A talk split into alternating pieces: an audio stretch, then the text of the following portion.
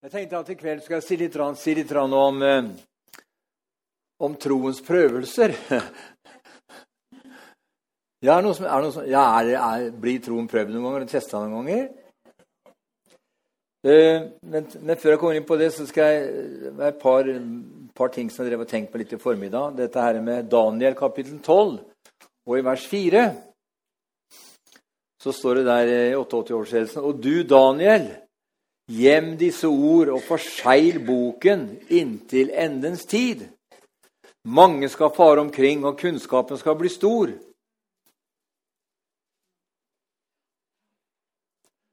Og venner, hvor langt har kunnskapen kommet nå i 2023, da?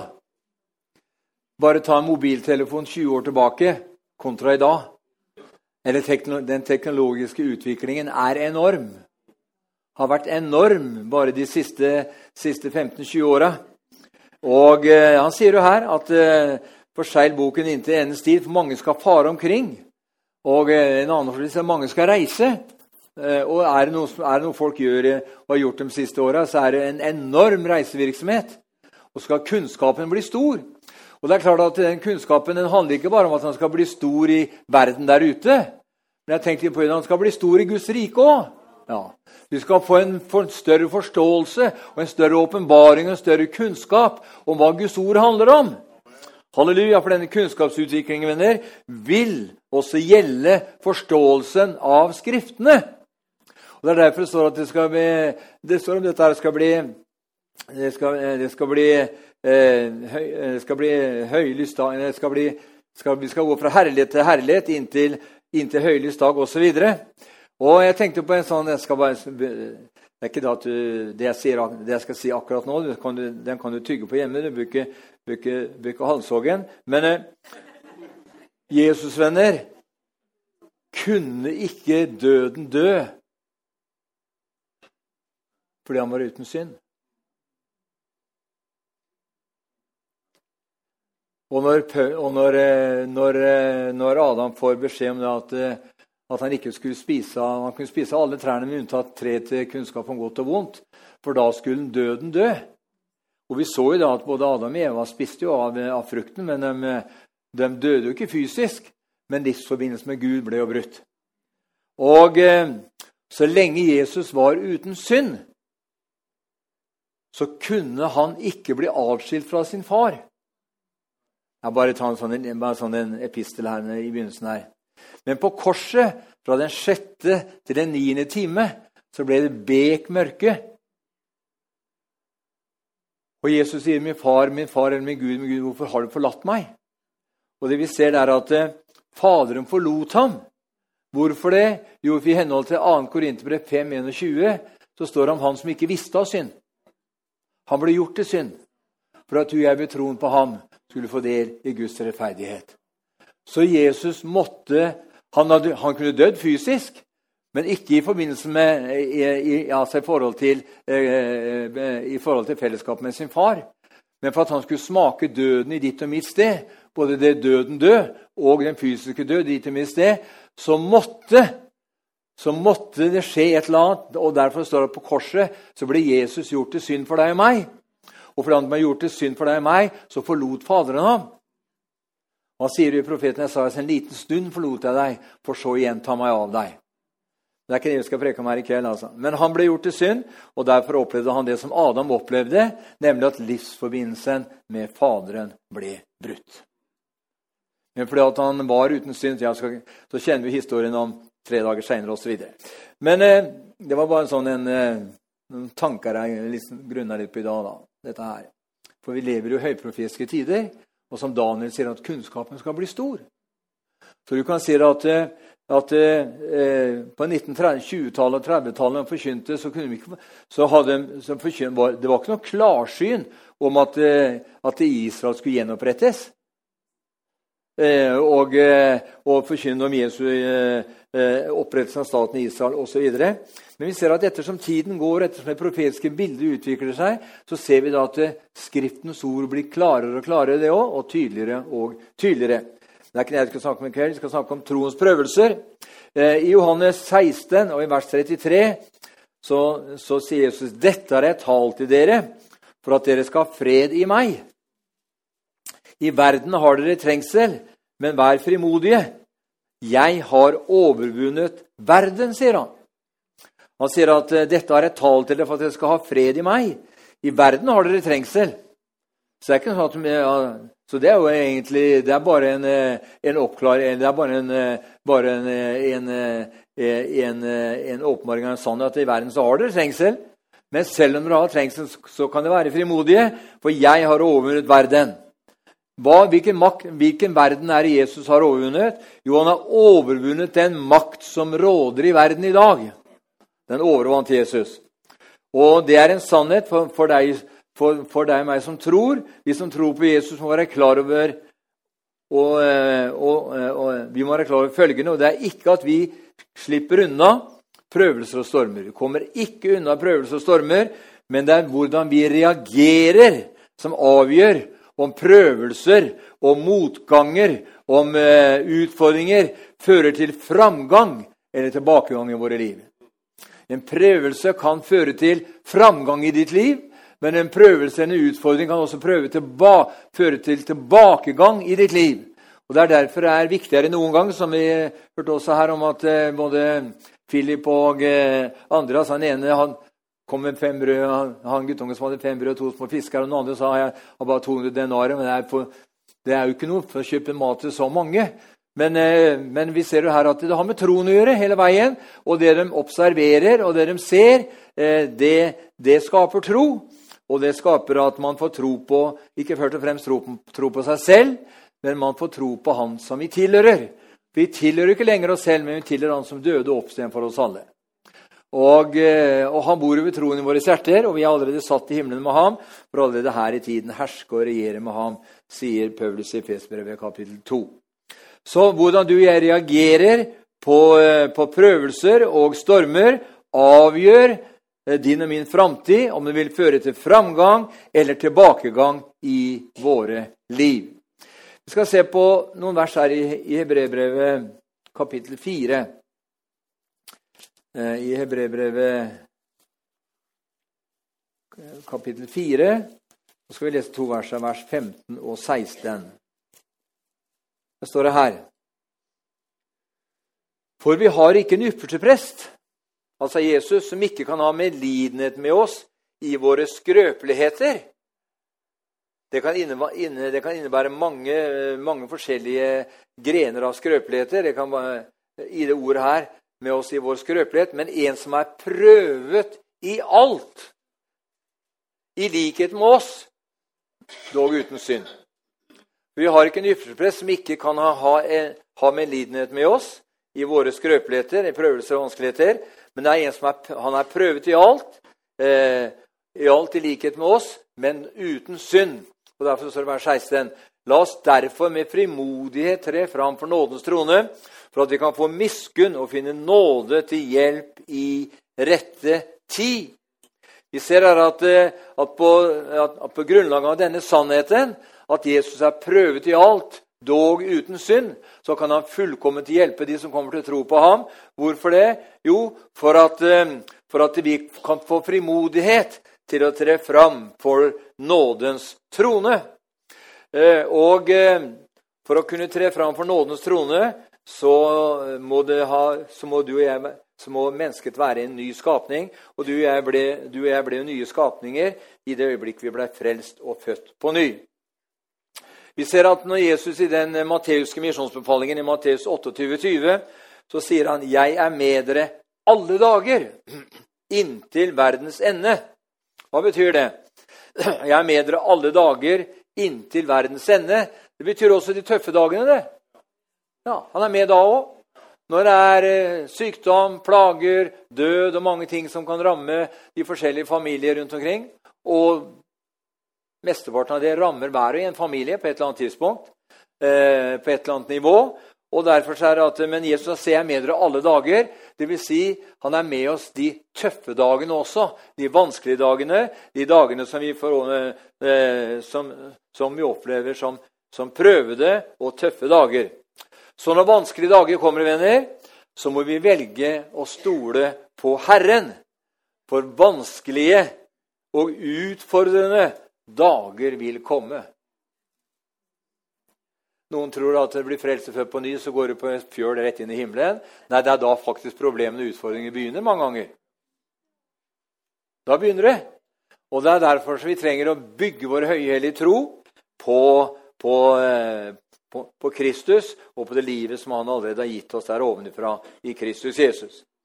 Så eh, utfordrende dager som jeg nevnte, de, altså de kommer. Og det, når slike dager kommer, så har vi et valg. Vi må velge da å stole på Herren.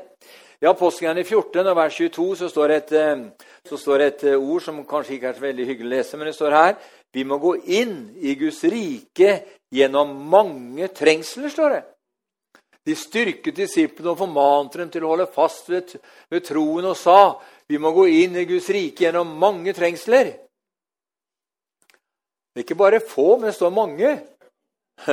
Det kan oversettes med flere, flere da. Men flere er jo flere, er mange, det òg. Vi må gå inn gjennom Guds rike gjennom flere eller mange trengsler prøvelser. Så det er et løfte. På samme måte som at uh, alt det du gjør, skal du lykke til med. Det er også et løfte. Men det her er også et løfte. At du må gå gjennom Guds rike gjennom mange trengsler.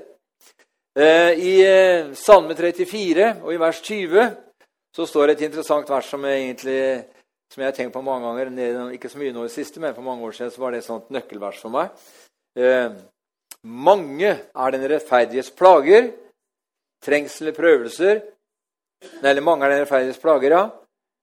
Men Herren frir ham ut av dem alle. Så det passer jo, eh, Hvis du skal relatere det til, eh, til Apostlene 14.22 mangler rettferdighets plager eller ulykker, men Herren frir ham ut av dem alle. Ordet ulykke er, synes jeg er liksom litt, feil, litt, litt, feilaktig, men det kommer at det er 2011-oversettelsen. Men mange er den rettferdiges plager, prøvelser, men Herren frir, dem, frir ham ut av dem alle. Så vi sier at Selv om det kommer prøvelser og vanskeligheter, så er ikke tunnelen eh, stengt på den andre enden. Det er åpent. Amen. Halleluja. Så, eh, og Vi ser f.eks. i ordspråkene kapittel 11 og i vers 18 så ser vi da at eh, den rettferdige blir fridd ut. Ordspråkene 11 og 8.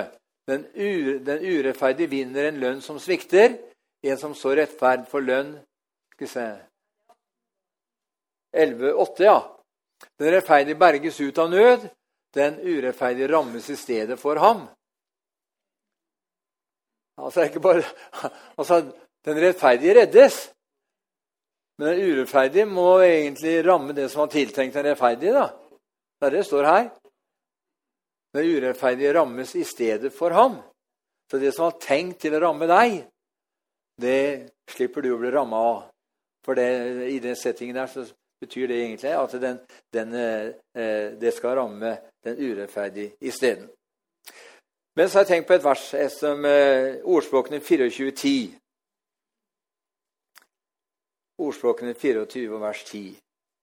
Der står det Blir du motløs på trengselens dag så har du liten styrke, det. Altså, det vil si at det, det går an å bli motløs på prøvelsens dag. Men hva er årsaken til det? At, blir, at motløsheten tar over når prøvelser og vanskeligheter oppstår pga. liten styrke. Det er det står. Mister du motet, sier Elve, på nødens dag, har du også mistet din styrke.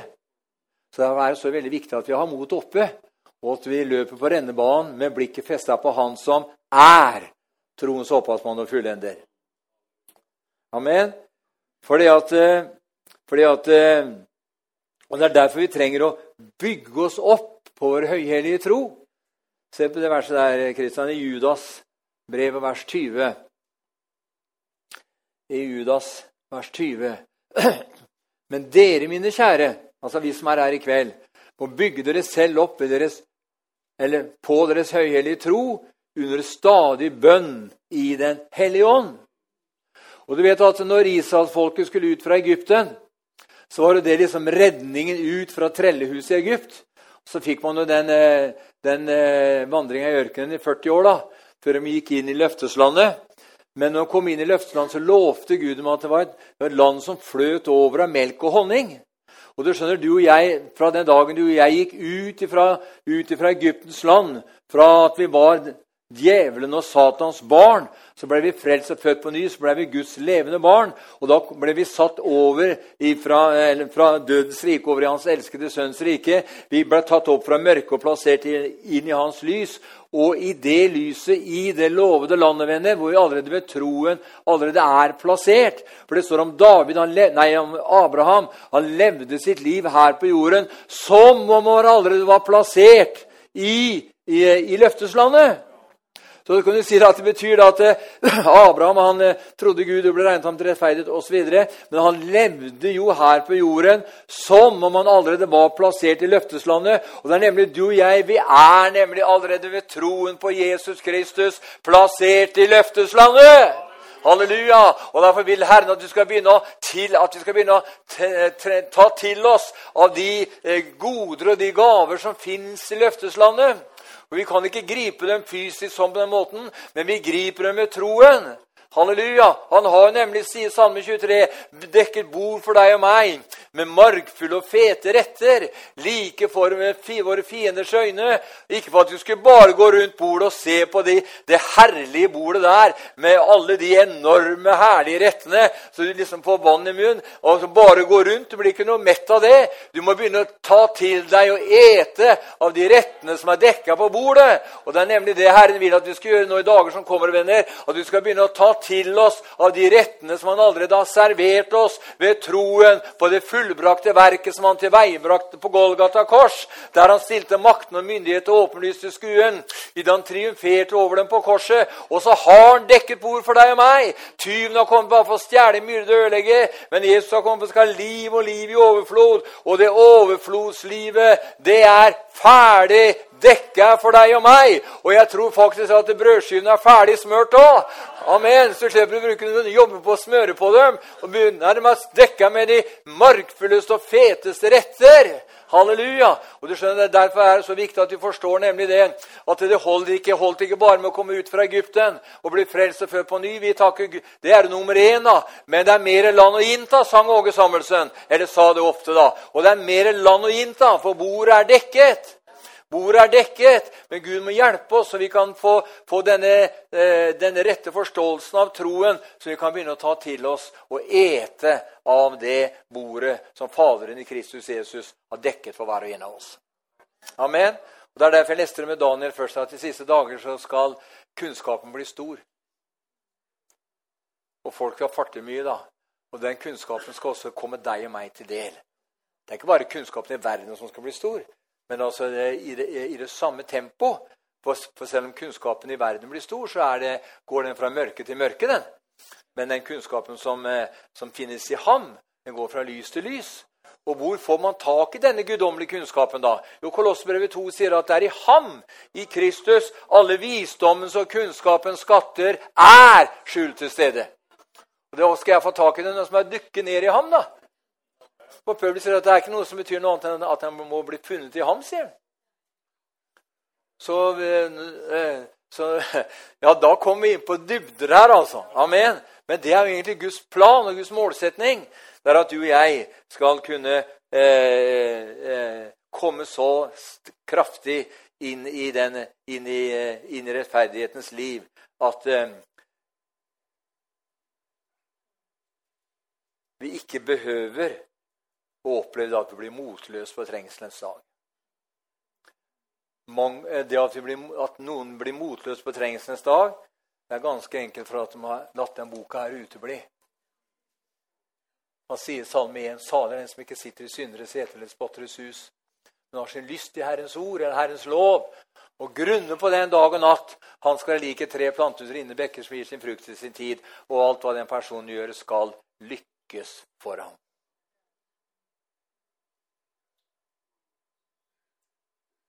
De sa før du kan, altså, du kan gjenkjenne lusa på gangen, sa de. Men du skjønner, du og jeg skal kunne gjenkjenne fienden på gangen. På hvilken måte han kommer. Du skal ikke slippe den helt eh, åpne selve uh, inngangsdøra, slippe den inn, uh, i, altså inn, i stua, sette oss ned og snakke med den. Nei, vi skal stanse den ute ved porten. Amen. Der skal vi stoppe han. Der skal vi si hei, her er adgang forbudt for deg. Og Det er ikke noe du klarer å bare ta deg sjøl å leve et sånn sløvt kristenliv. Det er noe du blir i stand til ved å leve et overgitt liv til Han som døde og sto opp igjen for oss alle mens vi ennå var syndere. Og så er spørsmålet, finnes det noen måter jeg har, jo sagt, har nevnt noen, men finnes det noen måter jeg kan begrense da, disse utfordringene, hendelsene, mange rettferdighets plager? Herre, jeg vil ikke ha så mange plager, men kan vi ikke begrense dem litt? I 1. Johannes 5 og vers 18 så står det Vi vet at den som er født av Gud, synder ikke. Men den som er født av Gud, tar seg i vare, og den onde rører ham ikke.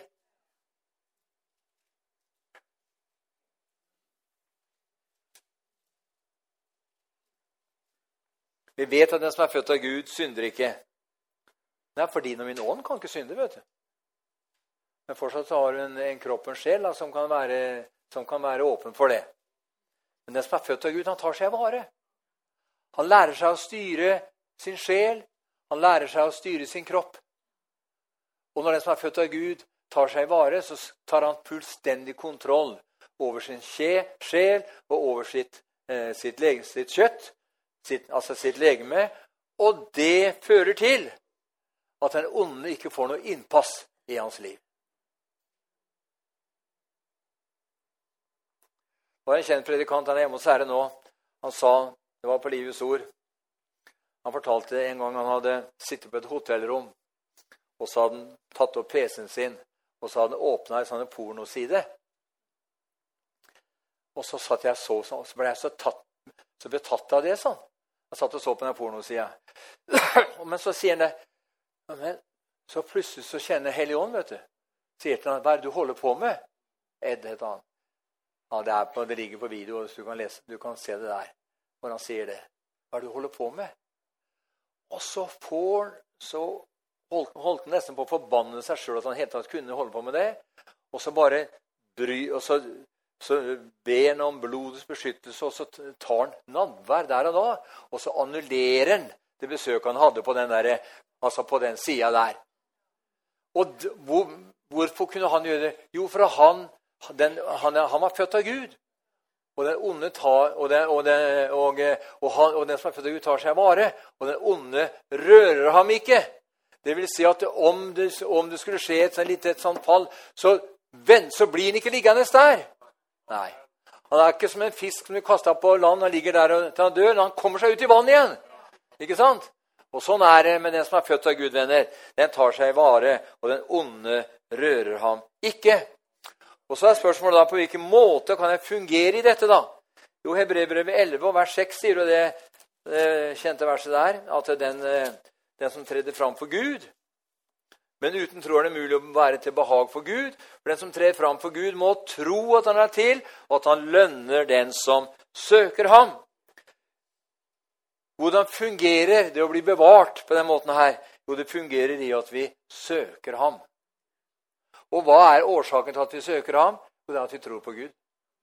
Vi tror at han er til, og at han lønner den som søker ham. Lønn deg, han, han frir ut, han hjelper til, og han styrker osv. Så så Og denne troen kaller, eh, kaller 2. Peter 1.1 for dyrebar, den troen. Den troen vi har fått, er dyrebar, skjønner du. 2. Peter 1.1. Simon Peter, Jesu Kristi kjenner apostel, hilser dem som har fått den samme dyrebare tro som vi gjennom rettferdigheten fra vår Gud og frelser, Jesus Kristus. Og det er denne troen som til tider vil bli satt på prøve. Han er kostbar, den er dyrebar. Eh, og, eh, og, den troen der, den blir til tider satt på prøve. Og Hvis vi slår opp i eh, kjente verset der i Markus kapittel 4, så ser vi i Markus kapittel 4 skal skal ikke ta alle vers her, men vi skal ta to vers her. I Markus kapittel 4, vers 16 og 17 så står det her Og på samme måte de som blir sådd på steingrunn, det er de som straks de tar imot ordet, med glede når de får høre det. De har ingen rot i seg og holder bare ut en kort stund. Når det kommer trengsel eller forfølgelse for ordets skyld, faller de straks fra. Hva står det her? Her ser vi at noen faller veldig fort av pga. vanskeligheter og prøvelser under vandringen.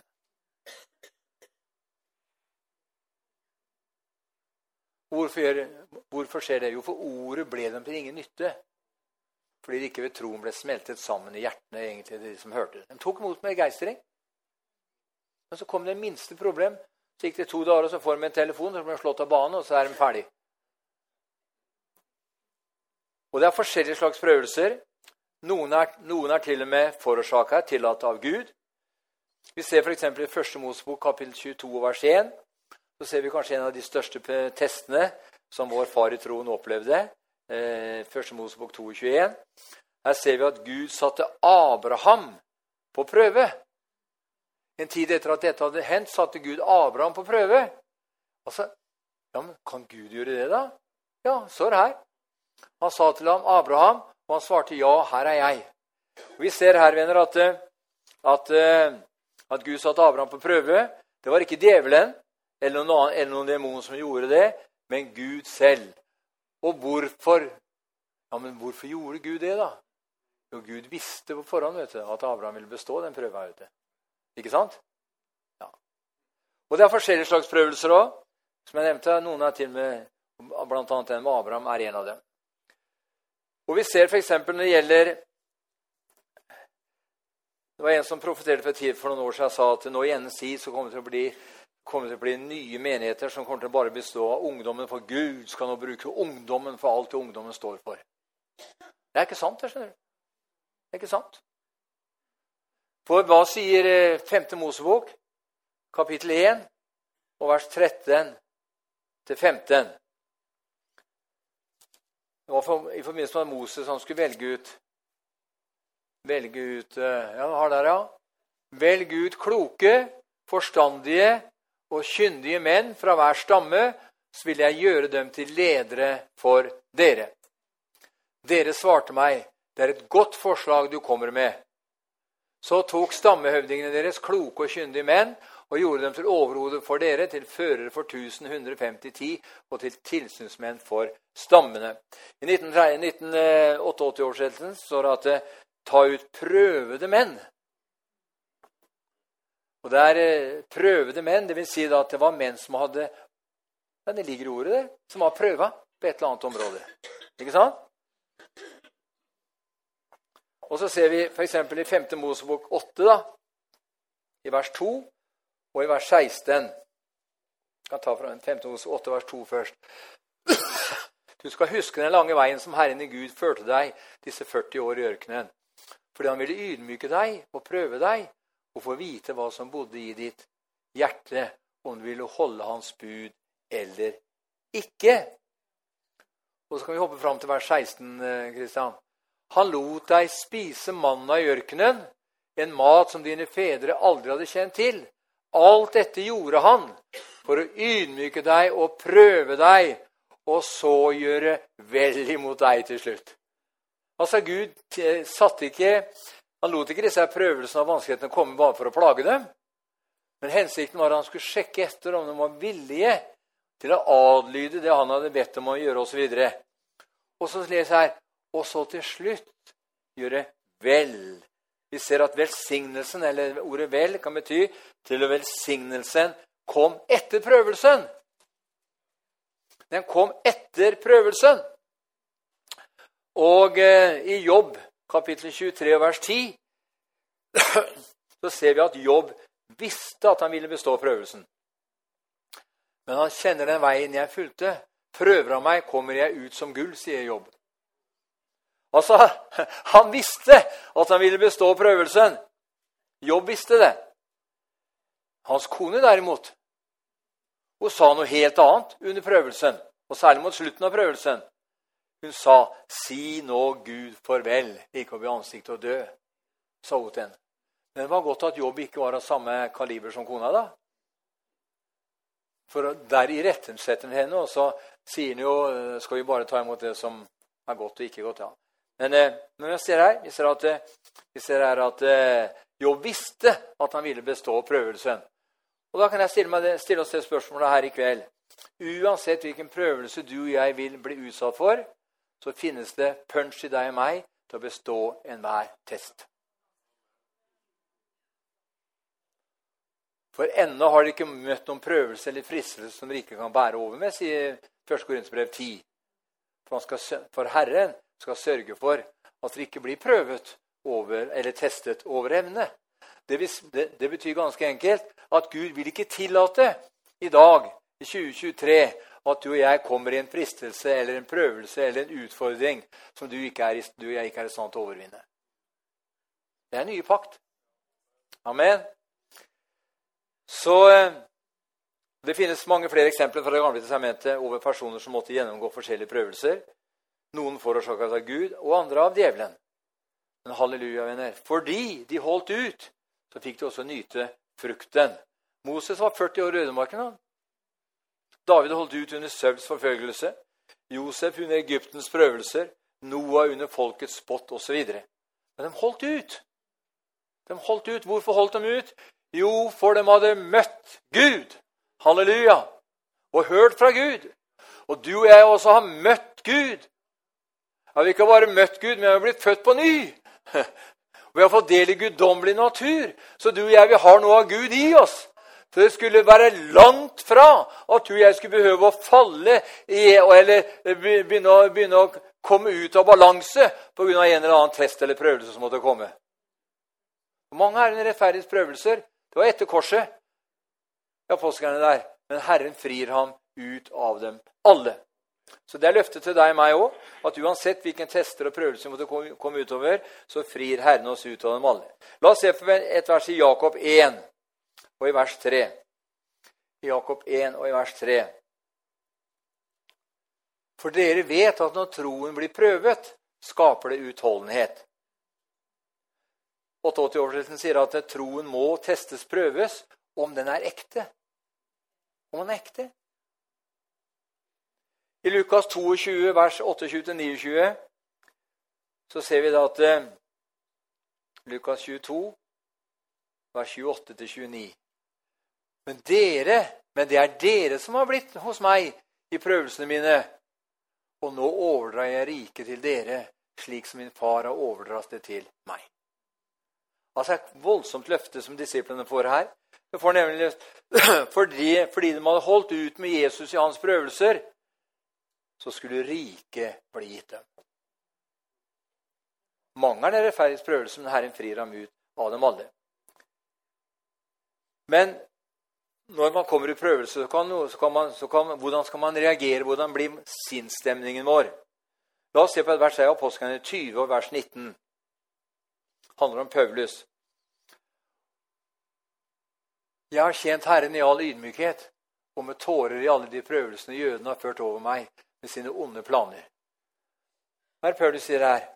Jo, han sier at han var ydmyk under prøvelsene og samtidig tjente Gud. Han kunne, blitt, han kunne tatt igjen, vet du, men da, da hadde han mista noe. skjønner du. Men han var, faktisk, han var ydmyk under prøvelser og tjente Gud. Ja, men er det nødvendig med prøvelser, da? La oss se på et vers her i 1. Peter 4 vers 12. 1. Peter 4, vers 12. Så sier Peter her at eh, Mine kjære, vær ikke forundret over den ildprøven dere må igjennom, som om det hendte dere noe uventet. Sier det er naturlig med prøvelser for den som bekjenner Jesus. Det er helt naturlig.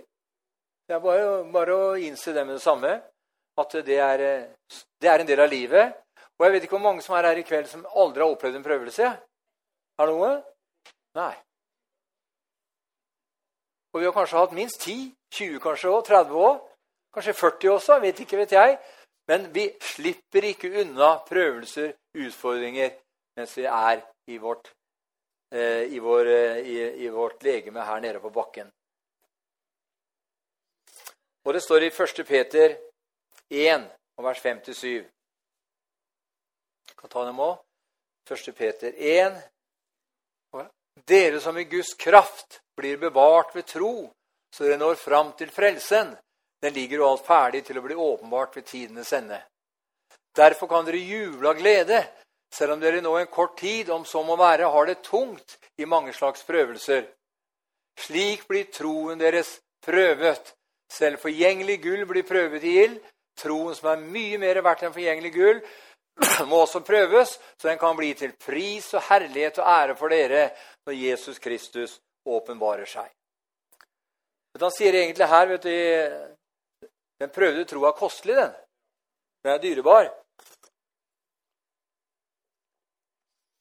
Og det handler om at når prøvelsen er avslutta, så blir gullet igjen. Blir gullet igjen. Og vet du forresten eh, at slagget, gullet, kan ikke renses bort fysisk. Du kan ikke vaske det bort. Enten med Blend eller Omo Sal eller hva det heter av disse forskjellige vaskeartiklene. Du kan ikke vaske det bort. Du får ikke vaska bort slag i gullet. Det må brennes bort. Det må brennes bort. Og Sammen med deg og meg. skjønner du. Det kan være sitt, at det kan være oppstå at det finnes en del saker og ting i våre liv som det er umulig å ta bort med egen kraft. Da må ilden inn i våre liv og fjerne det. Brenne det opp. Ild er kommet for å kaste på jorden, sa Jesus. Og jeg skulle ønske at den allerede var tent. Så ilden den på samme måte, den, den, kan, eh, den tar jo slag i gullet, da. Men den kan også ta bort saker og ting som du og jeg overhodet ikke er i stand til å kunne håndtere på egen hånd. I Filippebrevet 2,22 så, så står det at eh, Men hans prøvde troskap kjenner dere. Som en sønn hjelper sin far, slik har han stått sammen med meg i tjenesten for evangeliet. Her, her, tales det om en side ved den prøvede tro som kalles det prøvede troskap. Reinhard Punkan sa det slik når han, når han eh, i begynnelsen holdt på nede i Afrika De hadde, hadde, over 100 mennesker i sin tjeneste. De hadde egen skolelærer med, og de reiste rundt med det store teltet eh, inntil det teltet ble for lite til slutt. Da ble det sånn open air meeting-møter isteden. Men da var det sånn at da fortalte han at eh, når de var eh, At folk kom og ville hjelpe til. Og som han sa, vi hadde aldri problemer med å få noen til å være med og lage mat. Det var over 100 som kunne spise hver dag. Eh, og de hadde aldri problemer med å få noen til å kjøre disse lastebilene og, og andre landcruiserne brukte, brukte på det. Og de hadde aldri problemer med å få noen overhodet til å hjelpe til. For uansett hvilket eh, arbeid de skulle hjelpe til i forbindelse med den evangeliseringskampanjen som var på Ungkade, Christ Nation, så var de så overlykkelige sånn, for å være akkurat der hvor de var satt til. Ja, og det var egentlig det, nesten, eh, det var et prøvetroskap. Ja, de sa, herre, da, nei, de sa 'Ragnar, nå blir vi hos deg i to år. Og vi gjør akkurat det som vi, eh, som vi opplever vi skal gjøre. Så kanskje var det kanskje møkkajobben der i leiren. Men da tjente de den trofast i to år. Og Ragnar Punke sa en gang han sa det, Når Gud på sin belønningsdag sa han, skal belønne, så kommer det ikke først og fremst til å belønne ut ifra de voldsomme handlingene og gjerningene den enkelte gjorde, men han kommer til å belønne ut ifra graden av troskap den enkelte frelste viste i forhold til det den personen var satt til og kalt til å gjøre. Og Da sa han det at eh, selv om jeg har vært med og ført, den gangen sa han, selv om jeg har vært med og ført millioner, titalls millioner til frelse, eh, så var det hans kall som evangelist. Og han gjorde sitt kall og sin utviklelse fast. Han var evangelist. Men så sa han det. Men det er ikke dermed sagt at jeg får noe høyere lønn enn f.eks. kokka i leiren, som tjente Gud eh, i trofasthet. Og når tiden kommer, så er Gud rettferdig. Og Gud lønner ikke ut ifra eh, mengde og eh, høyde si, og lengde, men han lønner ut ifra den grad av trofasthet du og jeg eh, viser i henhold til det vi kjenner vi skal være med på å jobbe med. De sa det på vekkelsen i Pensacola, nei, ikke Pensacola, men i, men i Toronto. Vi var der borte i 95, var det? 95? Ja, 95. Så var det sånn at den var en menighet på rundt 400-500, eh, og og de hadde alltid problemer med å skaffe folk til å vaske toaletter. De hadde problemer med å få folk til å være møteverter. De hadde problemer med folk til å gjøre rense møtesalen. De hadde alltid problemer og måtte tigge og herje og mase for å få noen til å hjelpe til. Men så falt Ånden! Så falt Den hellige ånd. Og han sier, han eh, sier at fra dag av sånn, så har vi alltid mer enn 500 som sto i kø for å komme inn og hjelpe til på et eller annet område i menigheten. Når Linda Graff Bergling bygde men Det var kanskje det var det på begynnelsen på 90, vel, eller på midten på 90, når hun flytta inn, i et større bygg der borte. Jeg tror det var gamle et sånt eh, egglagre eller noe sånt. tror jeg det var. Så måtte hun være ferdig til konferansen, for hun hadde konferansen sin etter Livets Ord-konferansen. tror jeg det var. Og så skulle de ha den ferdig, vet du, det ferdig lokalet med stoler og alt mulig. Og sa hvordan skal vi klare det på de seks ukene eller åtte uker eller hva det var. De ba til Gud. Og Herren sendte murer som tok hele, hele treukersferien sin der. Han sendte elektrikere som tok alle sine tre uker der. Han sendte snekkere som tok sine tre uker der. Han, de sendte og malere. Så det var masse folk som gjorde at den, den eh, til konferansen så var det ferdig. Og de alle opplevde det som en glede å være med og jobbe gratis i tre uker i ferien sin. Vet det forteller meg? Da var Gud i det. Da var Gud i det. Og, eh, og eh, en sånn en, eh, og det forteller meg også det, at det er noe som behager Gud. vet du. Ja. Og jeg husker Vi satt, vi satt på Tennsenteret. Jeg var jo med styret i Tennsenteret på, på slutten av 70-tallet. Eller på 70-tallet. Og så var det så var det i Geitmyrsveien ja, så var det at ofte, ofte så, På kveldene så hadde de ikke, hadde ikke mat til dagen etter. vet du, noen mange ganger. De skal ha middag. Eh, og så ba de til Gud at Herren måtte gi dem både poteter og kål og det de trengte til, dag, til, dagen etter. Og så var det sånn at, og det slo nesten aldri feil, eh, sa både Finn Olav og Ole Bjørn og dem som jobba der da, at, at, at det hendte folk, folk dro på, eh, på Økeren. vet du, Der var det frukt kjøpte de frukt, disse fruktdealerne. Kjøpte frukt der tidlig på morgenen, bare klokka fire og fem. Og, og da, var det, da, var, da, var det, ofte sånn, så kom det en, kom det en sånn, en, en sånn grønnsakshandler forbi eh, Geitmyrsveien. Og bare Nei, ikke Geitmyrsveien, men eh, eh, Hva het den andre gata der? Ja, Totengata. Så kom hun der. Og så på morgenen lukka opp, og så sto det en 10-15 kilo kål vet du, og en sekk med poteter og eh, noen bunter gulrøtter og sånt noe. Og da, eh, og da, forteller de der sjåførene som har vært på Økeren og handla, når de kom kjørende forbi Toten, så var det akkurat som en røst som sa til dem Sett av det her! Ja. Og lydighet er jo bedre enn offer. Ikke sant? Det, og den måten å leve på, det er trosliv, det, vet du. Den rettferdige skal ikke skal, Han skal leve av og ved tro, sier, sier Rombrevet 1.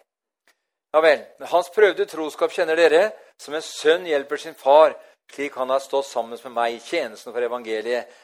Og her tales om en sidevenner ved den prøvde tro, som kalles det prøvde troskap. Han har nevnt noen eksempler på det. Men så har Paulus en som han kaller, eh, kaller Apelles. Han heter Apelles, da. I Rombrevet 16 og i vers 10. Og det er helt klart at det er noen hils Hils Apelles, som har stått sin prøve i Kristus. Hils alle hos Aristo, Aristobolos. Ja. Altså, altså, her kaller Paulus Apelles den prøvede i troen. Han kaller den prøvede, og det er helt siden Paulus setter det navnet på han her, så tyder det på at det var en som var prøvd på mange forskjellige områder. Altså. Det er forskjellig grad av prøvelser òg. Men Apelles han var kalt den prøvede. Det står f.eks. i 2. Korinterbrev 8, og i vers 2 så står det her at 2. Eh, 8, 2, selv om de var hardt prøvet i trengsler, så var deres glede midt i fattigdommen. Så var de drevet av en oppriktig godhet. For i sin nød ble de hardt prøvet, men deres overstrømmende glede og dype fattigdom har gjort dem rike og villige til å gi, sier Paulus her i 2. Korinterbrev 8, vers 2. Så her ser vi, ta bare noen sånne eksempler her. I Lukas 22 og vers 31-32 så er det interessant. Simon, Simon, Satan har krevd å få sikte dere som hvete. Men jeg ba for deg at din tro ikke måtte svikte. Og når du en gang vender om, da styrk dine brødre. Vi ser her ser vi at Satan setter Peter og disiplene på prøve. Jesus sier, 'Satan har krevd å få sikte dere som hvete.' Men jeg ba for deg, Peter, at din tro ikke måtte svikte. Denne, det er faktisk under slike omstendigheter at troen kan svikte. Derfor er det så viktig at du og jeg ber for de som står lengst fremme i striden. Jesus så da at den troen kunne svikte hos Peter. Men Peter sa jeg ba for deg at din tro ikke måtte svikte. Og det vi ser her, at nøkkelen hele veien er troen. Det er troen. Og eh, Vi skal ta et par eksempler til her. før vi avslutter. Ja, Åpenbaringen 2, vers 8-10 så ser vi her at åpenbaringen 2, 8-10 Skriv til engene for menigheten i Smyrna. Dette sier den første og den siste, han som var død og har blitt levende. Jeg vet om dine trengsler du må lide, og hvor fattig du er, men du er rik. Jeg vet også at du blir spottet av dem som kaller seg jøder, men ikke er det, for de er Satans synagoge. Vær ikke redd for det du skal lide. Djevelen skal kaste noen av dere i fengsel for at dere skal bli satt på prøve, og i ti dager skal dere lide trengsler. Hva ser vi her? Vi ser at Satan her setter hele menigheten på prøve. Ikke bare et enkeltindivid, men har sett en menigheten på prøve. Og Smyrna-menigheten, venner, leste at den ble spottet. Og spott er et av Satans mektigste våpen. Vanære er en av kristenlivets største og tyngste prøvelser.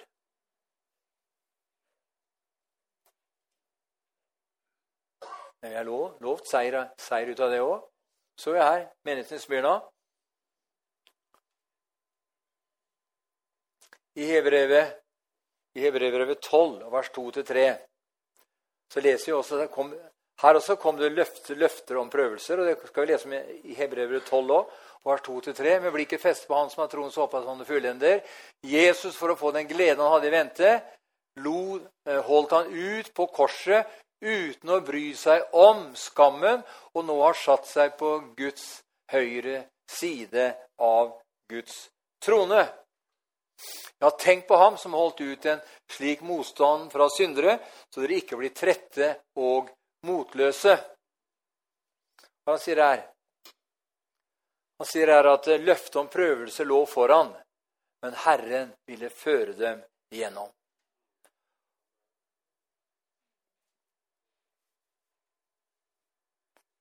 Ja, det var mye, mye bibler som prøvelse, sier du. Ja, men eh, vi tar et par til. I Romerbrevet 5 og vers 1-5.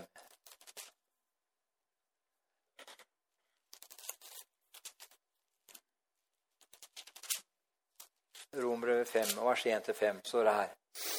Da vi nå er rettferdiggjort av tro, har vi fred med Gud ved vår Herre Jesus Kristus.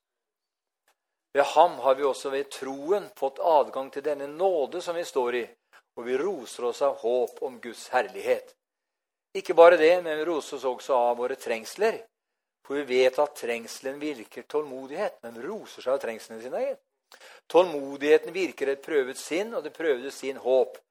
Og håpet gjør ikke til skamme, for Guds kjærlighet er utøst våre hjerter ved Den hellige ånd som er oss gitt, sier Paulus i Romere 5 her. At troen gir adgang til nåden, venner, slik at vi holder ut. Det vil si, det er nåden som hjelper oss så vi holder ut. Amen. Og en av nøklene til å holde seg nær eh, holde, eh, holde seg, eh, til, å, til, å, holde ut under prøvelsen, er Jakob 4, vers 8. Første del hold dere nær til Gud, så skal han holde seg nær til dere. Det er én vei. Og i Rombrevet 4, vers 18-21 kan vi også ta med. 18-21. Der står det her at eh, mot håp trodde han med håp, for at han skulle bli mange folks far. Etter det som var sagt, slik skal det nett bli. Uten å bli svak i troen tenkte han på sitt eget legeme, som alt var utlevd. Han var jo snart 100 år, og på at Saras mors liv var utdødd. Men på Guds løfte tvilte han ikke i vantro, men han ble sterk i sin tro i det han gav Gud ære. Og vers 21 han var full viss på at det Gud hadde lovt, var han mektig også til å gjøre.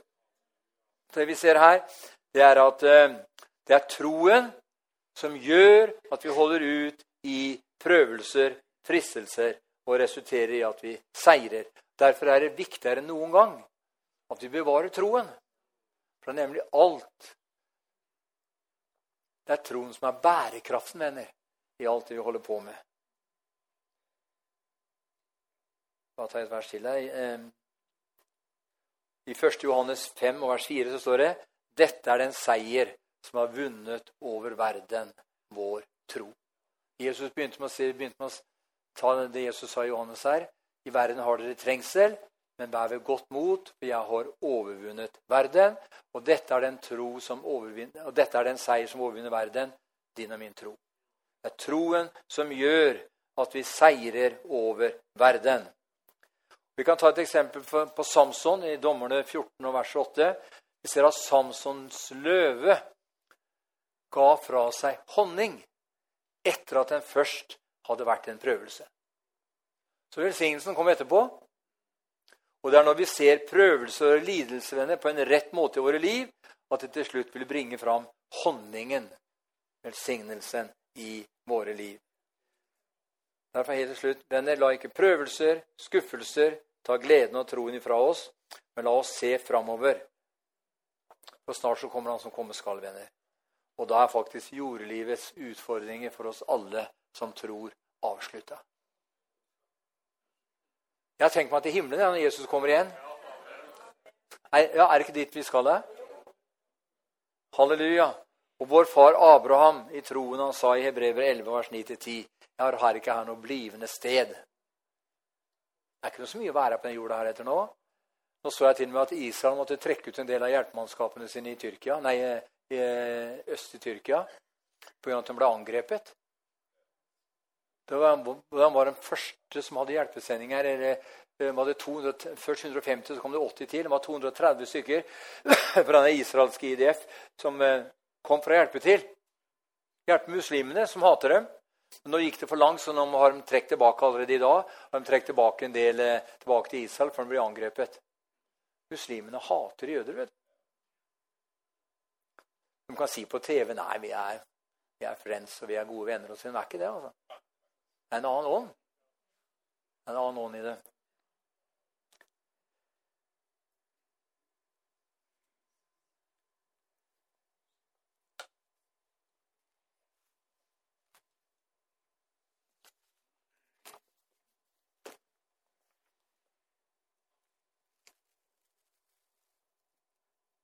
troens prøvelser.